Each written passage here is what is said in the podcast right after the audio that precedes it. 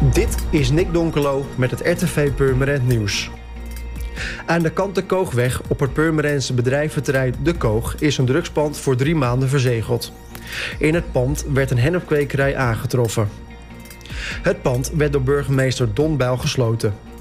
Op die manier moet de bekendheid van het gebouw als drugspand worden doorbroken en kan de openbare orde hersteld worden.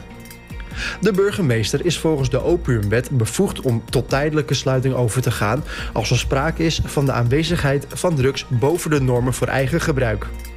Het besluit van de burgemeester betekent dat huidige gebruikers en anderen het pand voor drie maanden niet mogen betreden. Op het pand dat gesloten is zijn posters geplakt met de tekst verzegeld en drugspand gesloten. Het herstel van de parkeergarage in het Echtcentrum verloopt zo voorspoedig dat wellicht nog deze maand de 125 parkeerplekken op de derde verdieping weer in gebruik zullen worden genomen. De precieze datum van de openstelling bepaalt de eigenaar van het centrum in overleg met de constructeur en de gemeente. In de afgelopen twee weken zijn de hellingbaan van de derde naar de vierde verdieping en een deel van de vierde parkeerdek verwijderd.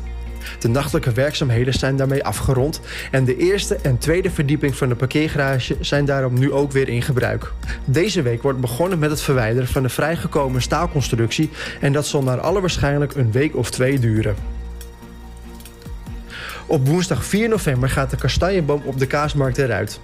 De boom is doodgegaan aan de kastanjebloedingsziekte en moet worden vervangen. Op maandag 16 november komt er een hopbeuk voor terug. De boombeheerder van de gemeente heeft een grote hopbeuk uitgezocht voor deze plek. Voordat de nieuwe boom erin komt, wordt de grond bewerkt om de groeiplaats van de nieuwe hopbeuk te verbeteren.